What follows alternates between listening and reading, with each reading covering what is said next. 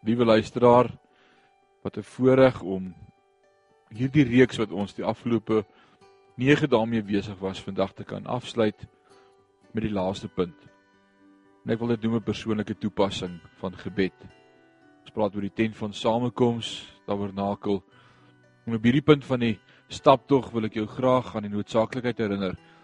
As gevolg van die voltooide werk by die kruis, hoef ons nie deur die ingang van danksegging of die binnehof van lofprysing te gaan om die teenwoordigheid van God te ervaar nie. Daar is geen vereiste dat ons by die koperaltaar of die koperwaskom moet staan nie. Ons word ook nie verplig om tyd te spandeer by die tafel van toonbrode of die goue reukaltaar nie. Want die voorhangsel is geskeur van bo na onder. Ons kan direk en vrylik met vertroue na die allerheiligste beweeg.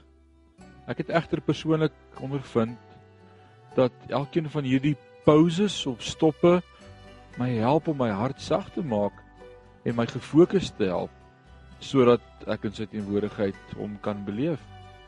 Jy sien die Vader is nie onwillig om my en jou toe te laat nie. Ons probleem is ons vermoë om sy teenwoordigheid aan te voel.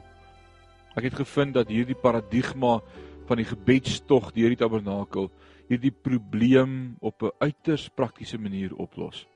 Elke dag se skedule en behoeftes bepaal hoe lank ek stil staan by elke stap. Ek het al deur die tabernakel gebus tussen afsprake op 'n besige dag. 'n Ander geleentheid het ek myself 'n luukse vergun om rustig ver van die ingang deur te stap tot by die allerheiligste van die tabernakel. Soms is die behoefte van ander so groot dat ek langer vertoef by die goue reukaltaar. Partykeer is ek so verootmoedig deur dankbaarheid dat ek skaars verby die ingang kan beweeg.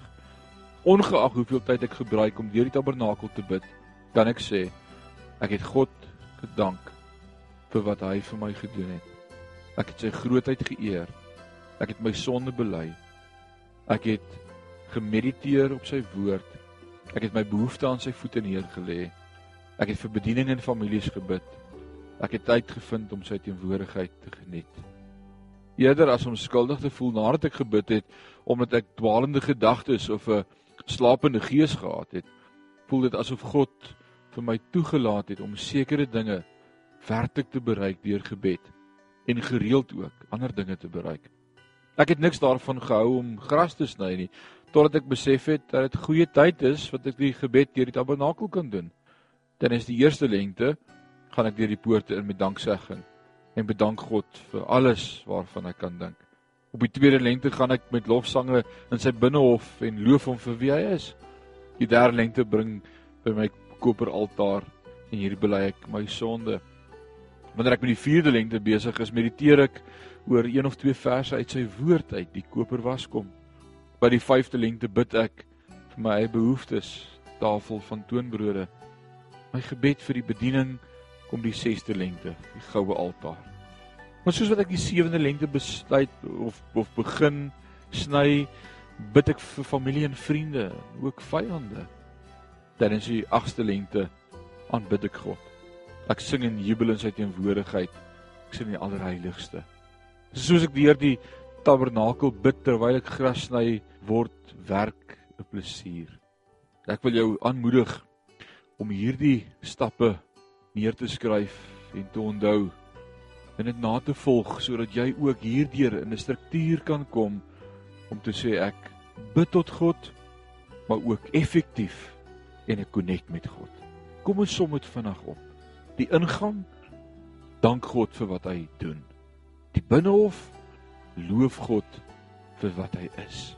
Die koperaltaar bely spesifieke sondes en erken dat jy vergewe is die koper was kom laat toe dat God jou tot jou spreek deur 'n versdeel of twee uit sy woord uit.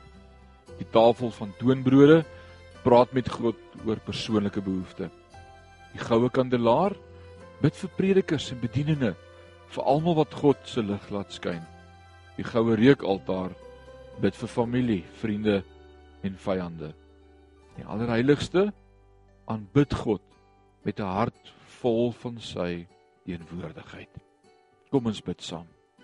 Vader, nadat ons in hierdie 10 gedagtes wat ons gewissel het met mekaar kon uitkom by hierdie resep, wil ek bid dat U dit in elke luisteraar se hart sal vasmaak vir ons sal help om meer effektief met U te praat, om meer gerig, doelgerig te bid sodat ons ook U allerheiligste, Shabbat kan beleef en ervaar.